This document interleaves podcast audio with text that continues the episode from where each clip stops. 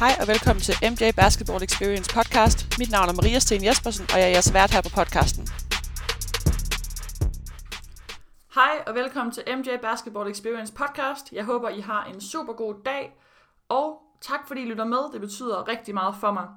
Sidste gang, der snakkede vi omkring det her pre-college state, hvor man ligesom går lidt og venter på, at man skal på college, eller man skal spille professionelt, eller hvad der nogle gange skal ske.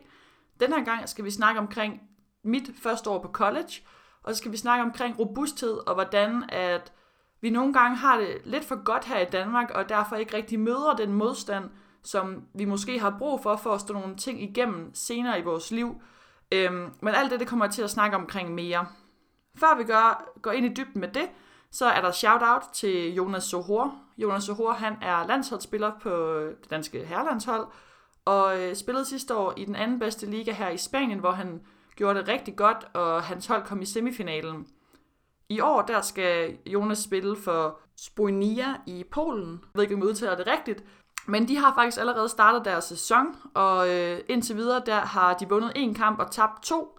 Jonas han har startet alle kampene og scorer 12,3 point per kamp og tager 8,3 rebounds per kamp, hvilket man må sige er meget, meget flot. Sidste år så var Sponia, eller man nu kalder vi det Sponia, det er sikkert ikke sådan, man udtaler det, øh, de, var, øh, de kom i kvartfinalen i den polske liga, så det er et hold, der, øh, der ligger lige der omkring playoff i, øh, i Polen.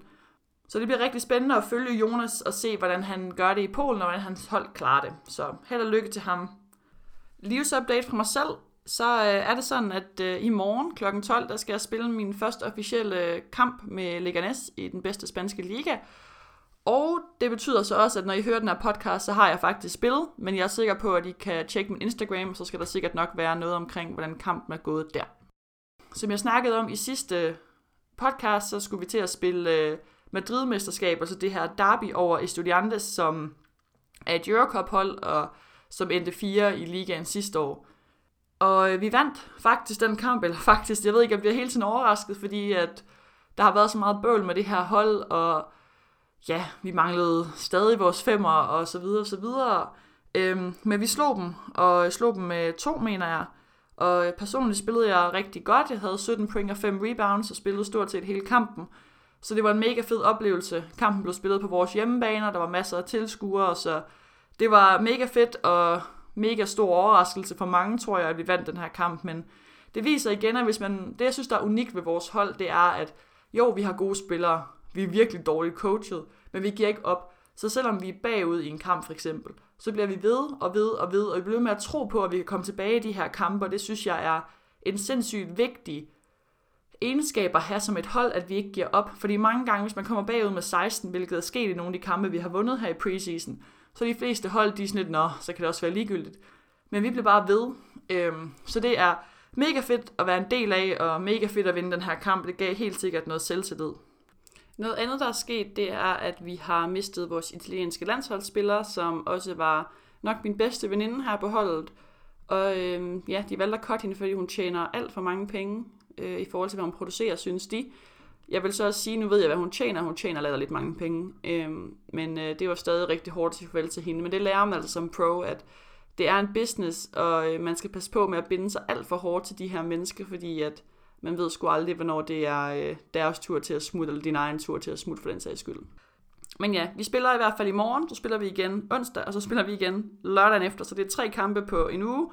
Øhm, men mega fedt, jeg vil klart hellere spille kampe, end jeg vil træne, så øh, vi glæder os, og øh, ja, som sagt, øh, I kan følge med på min Instagram, jeg vil lægge, lægger nok også nogle links op til kampene, hvis der er noget, I gerne vil se. Og så til øh, det her med robusthed og øh, freshman year of college. Og det jeg tænkte mig at gøre, det er lige at forklare lidt omkring min øh, experience, mit første år øh, i USA på University of South Florida. Og så ud fra det, så bagefter snakke omkring noget omkring det her robusthed og hvorfor det er så vigtigt for atleter, at vi har det med i bagagen, når vi drager ud på de her eventyr. Så for mig, som jeg sagde tidligere, så havde jeg jo glædet mig helt vildt meget til at komme på college. Jeg havde været sådan en lille smule øh, ængstelig for at skulle afsted, fordi at jeg ligesom ikke rigtig følte, at øh, jeg udviklede mig særlig meget i Danmark, og havde ikke rigtig, følte ikke rigtig, at jeg blev udfordret. Jeg havde valgt, at jeg gerne ville læse til bygningsingeniør, og det øh, var der rigtig mange skoler, også i USF, som sagde, at de synes var en rigtig dårlig idé, fordi de vil meget gerne have, at de atleter, de bringer over, har hele deres fokus på sporten. Men som, som jeg sagde tidligere, så har det jo aldrig rigtigt, det var aldrig min drøm på det her tidspunkt, at jeg skulle noget mere med, med, med sporten, end bare at være på college. Så derfor var det vigtigere for mig, at jeg havde den her ingeniøruddannelse, som jeg kunne bruge, når jeg kom hjem til Danmark, fordi at jeg skulle jo være bygningsingeniør. Så jeg valgte at tage den her øh, uddannelse, og det var vanvittigt hårdt, øh, når jeg tænker tilbage på det, specielt når man sammenligner det med ens andre holdkammerater. Men jeg vidste bare, at det var det, jeg ville, og selvom at det var rigtig hårdt, og jeg måske kunne have gjort det bedre på college over de fire år, hvis jeg havde valgt noget andet, så sidder jeg stadig med en, en bygningsingeniør bachelor i bagagen lige nu, og er i gang med at tage en kandidat på det. Så det giver mig bare et godt grundlag for, hvis det er på et tidspunkt, jeg ikke gider at spille basket mere. Så. Men i hvert fald rigtig mange timer, man skal, øh, man skal bruge som ingeniør. Så hvis I ikke har en brændende lyst til at blive ingeniør, så vil jeg nok foreslå, at, øh, at I gør noget andet, der er lidt nemmere. Men ikke læs psykologi for eksempel, fordi I kan ikke overføre det til Danmark for eksempel. Så sørg for at vælge et studie, som I ved kan bruges i Danmark. Basketmæssigt var det en øh, kæmpe, kæmpe omvæltning. Jeg gik fra at uh, træne tre gange i Åby Høj, halvanden time øhm, med dameholdet, og så lidt morgentræning en gang imellem, til at træne fire timer benhårdt, struktureret, øhm, uden pauser øh, på college. Og når jeg siger uden pause, så er det fordi, at vores træner han havde et, et træningsprogram, vi skulle igennem, og det var på minutbasis. Øhm, så vi havde bare, altså man gik fra den ene øvelse direkte over til den anden. Der var jamen, vores head coach, og så havde jeg vi tre assistenttrænere, og så nogle manager og nogle øh, drenge, der, der gik på skolen, som gerne ville være en del af sådan et træningshold, som vi spillede mod. Så, så når vi trak vand, så satte de op til den næste øvelse, så man sådan, den var bare på hele tiden, de der fire timer. Og jeg kan huske i starten, så var det ikke så meget fysisk, at det var lavet lidt hårdt, det var mentalt. Jeg kunne næsten ikke koncentrere mig den sidste time af træning, fordi ja, man havde bare været på så meget. Og det var tit der, at vores træner han for eksempel valgte, at vi skulle løbe systemer, hvilket også var rigtig svært i starten, fordi det var helt nye systemer. Men det var ligesom for at udfordre os på det her med, kan du holde koncentrationen? Hvor meget vil du det her? Så det var vanvittigt hårdt, men mega fedt. Øhm, og ligesom hele den der professionalism, som jeg havde savnet i Danmark, den var her bare. Altså, som jeg sagde den i podcasten tidligere, så havde vi eget fyslokale, vi havde eget træningslokale, vi havde et lokale kun til os, hvor der var hot top og cold top. Øhm, så sådan, der er alt, hvad du har brug for, for ligesom at recover imellem træningerne. Vi havde lounge med tv og Wii og computer, jeg skal give dig skal jeg køleskab, der var fyldt op med mad, vi bare kunne tage af. Så havde vi vores træningshal og vores Sundome. Sundome og vores main arena, hvor der kunne være 10.000 mennesker ja, shooting guns, altså alt, alt hvad du kunne forestille sig. Vi havde også sådan, vi havde sådan et boldlokale, hvor vi, altså, hvor vi havde alle vores bolde i, og der var så de her racks, hvor de her bolde ligger på. Og vi havde en rack til hver slags bold. Det vil sige, at vi havde 20 Nike-bolde, vi havde 20 Under Armour-bolde, vi havde 20 Adidas-bolde, vi havde 20 NCAA Spalding-bolde. Så sådan ligegyldigt, hvem vi skulle spille mod, lad os sige, at vi skulle spille mod Yukon. Yukon spillede med Nike-bolde, da jeg var der. Så trænede vi ugen op til med Nike-bolde, fordi vi vidste, at i den kamp skulle vi spille med Nike-bolde. Så sådan ned til den mindste detalje, der var der bare styr på tingene. Så bliver man jo også overvældet af alle de sko og alt det gear, man får. Og efter træning, så skulle man ikke selv vaske sit eget tøj, men havde det her mega fede locker room, så putter du dit tøj på sådan en loop. Øhm, det er egentlig bare sådan en clips nærmest, hvor du så ligesom putter alt dit tøj på den her klips, så det hænger i sådan en snor, sådan en loop, øh, og så smider du det i vasketøjskurven, og så kommer du dagen efter, og så er dit tøj pænt lagt sammen og øh, inde i dit skab. Altså det var helt surrealistisk at komme fra, komme fra Danmark til det her, og øh, jeg følte mig så privilegeret, at jeg fik lov til at gøre det her, og der er nogen, der gad at gøre de her ting for mig. Så det var mega, mega fed oplevelse. Rent basketmæssigt, så når sæsonen gik i gang, så øh, når jeg tænker, jeg kan huske, at i momentet, så synes jeg overhovedet ikke, at jeg spillede særlig meget. Jeg synes, jeg havde en dårlig freshman-sæson. Øhm, men når jeg tænker tilbage på det, så havde jeg faktisk en rigtig god freshman-sæson. Og faktisk, når jeg kigger på det nu her, så står der for eksempel, at jeg, jeg startede min første college-kamp, det kan jeg godt huske. Og jeg tror, jeg startede syv kampe. Og jeg spillede altså 16 minutter per kamp. Øhm, og vi var 27-6 Øhm, det vil sige, at vi havde vundet 27 kampe og kun tabt 6 kampe hele året, hvilket var den bedste record, altså den bedste stilling øhm, for holdet nogensinde i USF history. Så at jeg var en del af det og spillede 16 minutter var faktisk rimelig godt. Men når man kommer fra Danmark af og tror, at at man ikke spiller meget, hvis man ikke spiller over 25 minutter, jamen så kan jeg godt forstå, at jeg måske ikke synes, 16 minutter var særlig meget. Men alt er bare relativt, og du kan ikke regne med, at du kommer på et top 25 hold, og så skal spille 30 minutter som freshman. Altså, skal du fandme være god eller heldig. Så ja, når jeg tænker tilbage på det, så er jeg virkelig stolt af, at jeg faktisk spillede så meget mit freshman år. Jeg vil bare ønske, at jeg også kunne være lidt mere stolt og lidt mere okay med situationen i det, så jeg ikke skulle være så hård mod mig selv hele tiden, men måske bare mere var sådan, jamen det er da flot, jeg overhovedet spiller, men det forstår man bare ikke rigtigt, når man, når man ankommer på college. Det er sådan noget, man lærer bagefter.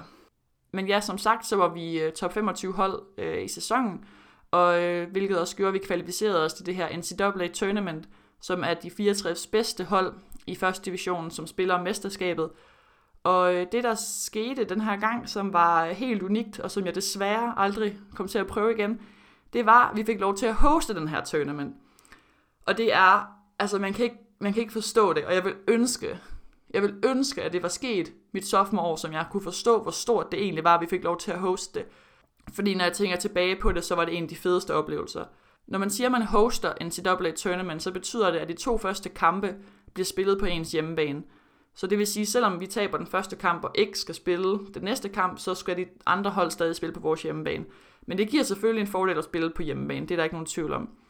Og vores Sundome var totalt proppet. Den første kamp var mod LSU, hvor at øh, Anne He, hun spillede, og øh, det sjove ved Anne He, det var, at da jeg var yngre, og egentlig også på det her tidspunkt, og egentlig også nu, øhm, så helt vildt meget op til Anne He. Hun var vanvittigt dygtig, øh, specielt da hun var i Danmark, og var sådan, havde bare total stjernestatus i mine øjne, så det, at jeg skulle spille mod Anne He i så vigtig en kamp, var vanvittigt. Altså, jeg kan huske, at jeg virkelig var sådan, hold kæft, hvor er det egentlig sindssygt, at jeg skal spille mod Anne He, ikke? Altså, øhm, så ja, vi spiller mod LSU øh, på hjemmebane, og vores Sundome er helt fyldt.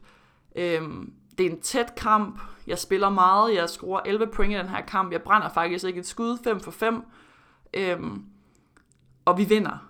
Og altså, Sundome går amok, og der er jo, altså, man er jo på, man er jo på National TV, ESPN dækker kampen, og det er det fedeste. Jeg blev interviewet efter kampen selvfølgelig, eller ikke selvfølgelig, men når man er freshman og har en god kamp øh, i en NCAA tournament, så får man sindssygt meget media cover. Så det var bare en helt vildt fed oplevelse, og virkelig sådan, når jeg tænker tilbage på det igen, så jeg bare ønsker, at jeg kunne gøre det igen og kunne nyde det noget mere. Fordi jeg forstod ikke, hvor stort det var. Jeg forstod jo ikke, at det her det ikke var noget, jeg fik lov til at opleve hver eneste år. Altså det her med at hoste på hjemmebane. Så ja, mega fedt. Øh, vores anden kamp var mod Louisville, som øh, var ranket 10, tror jeg, i landet. Og øh, der var næsten, altså der var, det, vi følte som om, der var flere mennesker til den her kamp, og det var sikkert, fordi der var flere sådan die-hard fans. Normalt er det meget sådan nogle lidt ældre typer, der kom, men der var rigtig, rigtig mange students, der kom til den her kamp. Og vi foran, jeg spiller også forholdsvis meget af den her kamp, ikke helt lige så godt, men jeg tror, jeg scorer fire point eller sådan noget, hvilket er fint. Jeg kan huske, at jeg bliver skiftet ind med 5 minutter tilbage af kampen, eller 7 minutter tilbage af kampen, eller sådan noget.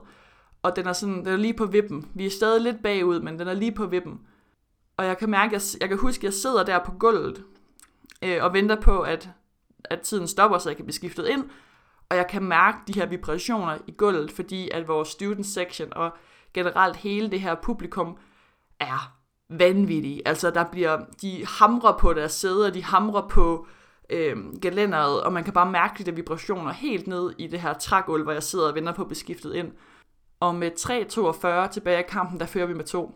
Og folk, den skruing, folk går helt amok. Jeg får kuldegysninger bare at tænke på det de går fuldstændig amok, og nu tænker vi, tror, vi skal til Sweet 16, ikke? Men altså, desværre så ender vi med at tabe. Jeg tror, vi taber med fire eller sådan noget til, til Louisville, og det var en mega tom følelse. Det er der ikke nogen tvivl om, men overall havde det jo været et mega succesfuldt år, både for mig personligt og for programmet, så når jeg tænker tilbage på det nu, så tænker jeg, at det var et mega fedt freshman år. Men når man siger det på den her måde, så virker det også som, at det var et mega piece of cake year for mig, og det var det slet, slet, slet ikke det første halvår, der overvejede jeg nok at tage hjem en gang om ugen. Og jeg græd, og jeg savnede min familie, og jeg savnede mine venner, følte mig alene, følte mig uretfærdigt behandlet i USA, eller i USA eller på USF, og ja, altså det starter egentlig med, at jeg kommer derover, og så får jeg at vide, at vores femmer, hun er skadet, så de vil gerne have, at jeg skal spille fire. Og i Danmark havde jeg altså spillet 1, 2 og 3, og havde aldrig rigtig lavet et postmove i mit liv, og jeg vidste selvfølgelig godt, at jeg har en, en krop, der godt kan spille en fire position, men jeg havde aldrig nogensinde gjort det. Så det var helt vildt, helt vildt svært for mig at, at skulle gøre det. Øh, samtidig så var hende, der spillede på fire positionen, en, en killing, for at sige det lige ud. Øhm, hun var, øh, var helt vildt dygtig. Øhm, har også spillet en kamp i Women's NBA efterfølgende. Men hun var virkelig led, og jeg tror, at hun godt kunne se, at jeg ville få spilletid på det her hold. Og så er der bare nogle mennesker, der tænker, hvad kan jeg gøre for at få den her øh, blonde, naive freshman til øh, ikke at spille godt? Jamen, så tryner jeg hende. Og hun, øh, hun trynede mig virkelig til hver eneste træning. Der var der bare trash talk hele tiden i omklædningsrummet, trash talk, og det var virkelig, virkelig, virkelig hårdt at være i, og ja, jeg synes selvfølgelig ikke, det var den rigtige måde, hun håndterede det på, og at man skal jo være holdkammerater, og man kan sige, at hvis jeg er god, så gør jeg jo kun hende bedre. Øhm, så det var virkelig ubehageligt at være i. Øhm, men ja, jeg tror så også, at da sæsonen ligesom startede, og hun fandt ud af, at hun trods alt spillede 25 minutter, og jeg kun spillede 15. Og nogle gange, der spillede vi faktisk også sammen, fordi så spillede hun på 5'eren, så spillede jeg på 4'eren. Så var det okay, og hun havde en rigtig god sæson, så hun blev lidt bedre i løbet af sæsonen, men der i starten var det virkelig, virkelig hårdt for mig. Så det brugte jeg rigtig meget tid på ligesom at være, være sur og frustreret over det her med, at jeg skulle spille en position, jeg ikke rigtig gad at spille. Jeg skulle spille sammen, eller spille bag ved den her pige, som var en mega bitch, for at sige det lige ud. Altså, så jeg, jeg følte, jeg havde det bare ikke sjovt. Altså det var sjovt at tage til træning, og jeg er, når man kommer fra Danmark af, så er man bare vant til at blive behandlet på en, anden, en pænere måde, ikke? og der er ikke nogen, der gør sådan nogle ting der i Danmark. Så jeg var slet ikke vant til det, jeg vidste slet ikke, hvad jeg skulle gøre, så hun kunne virkelig sådan kyle mig ud til træning, hvor det var, at jeg sådan lige pludselig ikke kunne, overhovedet ikke kunne ramle op mere, fordi hun havde været så meget i mit hoved. Men ja, helt sikkert en hård oplevelse, den her kombination af, at jeg skulle spille fire, ikke spille særlig meget, øh, ikke rigtig føle det sociale. Altså, jo, de var jo søde nok pigerne, men det er jo ingenting i forhold til det, som man har hjemme i Danmark, så alt det var sådan lidt svært. Og det her, det her robusthed, det kommer ind, som jeg gerne vil snakke om, fordi som jeg har snakket lidt tidligere, så var min tid i Danmark før college sådan forholdsvis nem, ikke? Altså, jeg var aldrig rigtig udfordret. Jeg var, jeg var god til basket, uden at putte alt for meget effort ind i det. Jeg var god i skolen, uden at putte alt for meget effort ind i det. Jeg havde gode veninder. Jeg havde en god familie. Så sådan, jeg var bare ikke udfordret særlig meget, fordi alt det bare sådan lidt kom nemt. Og øh, når jeg tænker på 20-årige Maria, som tog på college, så kan jeg godt forstå, at hun havde det svært, fordi hun havde ingenting at stå imod med, fordi hun aldrig sådan prøvet at blive rigtig udfordret før. Hun havde heller aldrig sådan prøvet at spille 5 minutter, 15 minutter per kamp før. Hun havde altid været starter, så det var, jeg kan godt forstå, at hun havde det svært. Jeg kan huske øh, et Skype-opkald med min familie, hvor at øh, hele min familie var samlet på ferie på Club La Santa, som var et af vores main vacation spots som familie. Og jeg er på det her Skype-opkald, og jeg græder. Og øh, jeg kan huske, at mine to ældre brødre, de siger, Maria, det er jo virkelig godt for dig det her. Det er jo virkelig godt, du endelig får noget modstand og bliver udfordret. Og jeg kan huske, at jeg faktisk var lidt sur på dem. Jeg var sådan, hvorfor fanden, hvordan kan I finde på at sidde og sige sådan noget der til mig, når jeg sidder her og græder? Hvorfor trøster I mig ikke?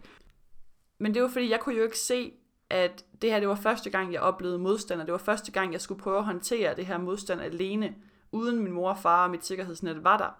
Så det var det, mine brødre refererede til, at det er vigtigt at gå igennem de her hårde oplevelser. Det er vigtigt at være ked af det, så man kan blive et bedre menneske og lære noget omkring sig selv og udvikle sig og alle de her ting, som jeg jo egentlig havde søgt, da jeg tog til USA. For alle de her oplevelser, de er jo med til at gøre mig stærkere, og man kan sige, at det her det var måske min første udfordring som basketspiller, og måske også som person. Men siden da har jeg jo, altså for helvede føler jeg, at jeg bliver ramt med modstand hele tiden, ikke? Men jeg håndterer det bedre og bedre og bedre. Og derfor er det vigtigt, at man går igennem de her hårde perioder, og man kommer ud af dem, så man lærer noget om sig selv, og så man står stærkere og mere robust, more, more, mere modstandsdygtig, end man var før. Så når den, en lignende situation kommer, så kan man håndtere den meget bedre.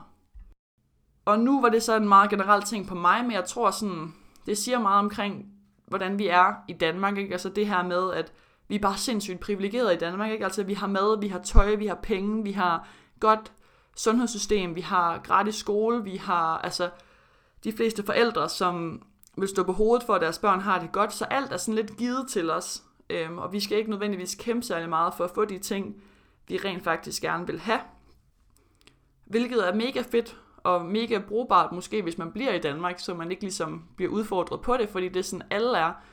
Men det er lidt en bjørnetjeneste, hvis du gerne vil til udlandet og gerne spille professionelt, eller gerne vil spille på college, ikke? fordi her er de ikke opdraget på den her måde. Der er, folk, der er tingene ikke givet til, og du skal virkelig, virkelig kæmpe for det. Og det mangler vi lidt i Danmark nogle gange, synes jeg. Fordi sandheden er, at når du kommer på college, så er der ikke nogen mor og far til at, til at tage sig af de ting, som der er hårde. Der er ikke nogen mor og far, der kan snakke med din træner, når du ikke synes, du får nok spilletid. Eller hvad det nogle gange kunne være. Du, dit barn, eller dig, er, du er alene på college. Du er alene som professionel, og du er nødt til at klare alle de her ting selv. Og jo mere modstand du har været igennem tidligere, jo mere modstand, modstandsdygtig er du. Du er mere robust for de her oplevelser.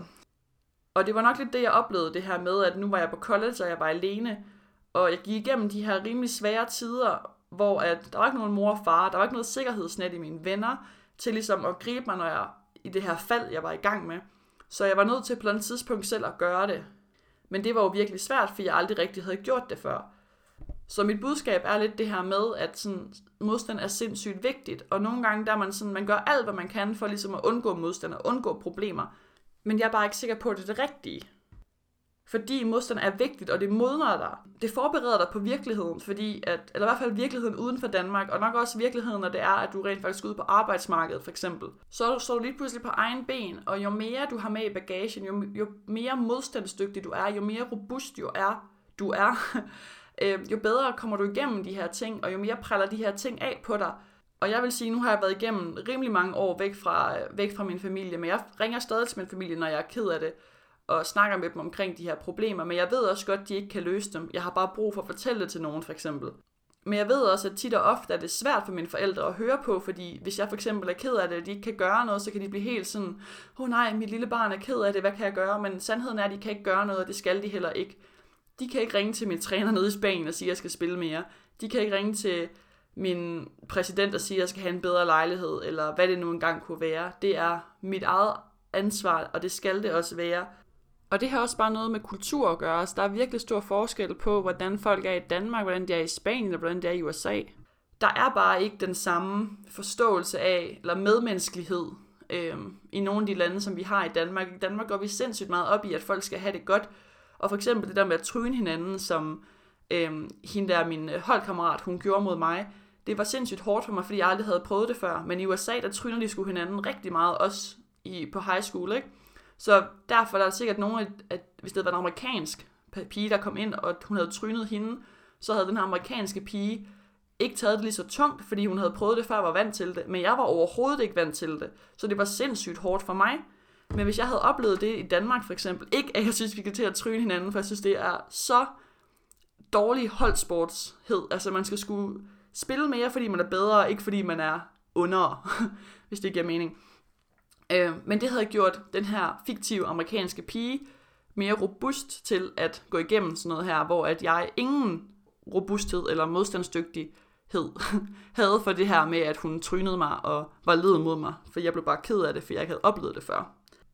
Så mit råd til jer, det er, så mit råd til jer, det er, at når I går igennem svære tider, så tag imod dem med åbne arme og tænk på, hvordan den her oplevelse er med til at gøre jer mere robuste og mere modstandsdygtige i fremtiden, fordi det er noget, I kommer til at få brug for igen og igen og igen, om det så er i jeres barskarriere, i jeres forhold, i jeres eller hvad hedder det, normale arbejdskarriere. Altså ligegyldigt hvad det er, så gør modstand en stærkere, så lad være med at nødvendigvis undgå alt modstanden, eller også sådan for, som forældre, nogle gange så er det måske en meget god idé at lade jeres børn gå igennem det her modstand selv, så de kan blive stærkere til at gå igennem de her ting, når I ikke er der mere, når de er i udlandet og spille, eller udlandet for at tage udvekslingsår, altså who knows, men modstand er godt. Det er ikke altid noget, man bare skal undgå for enhver pris.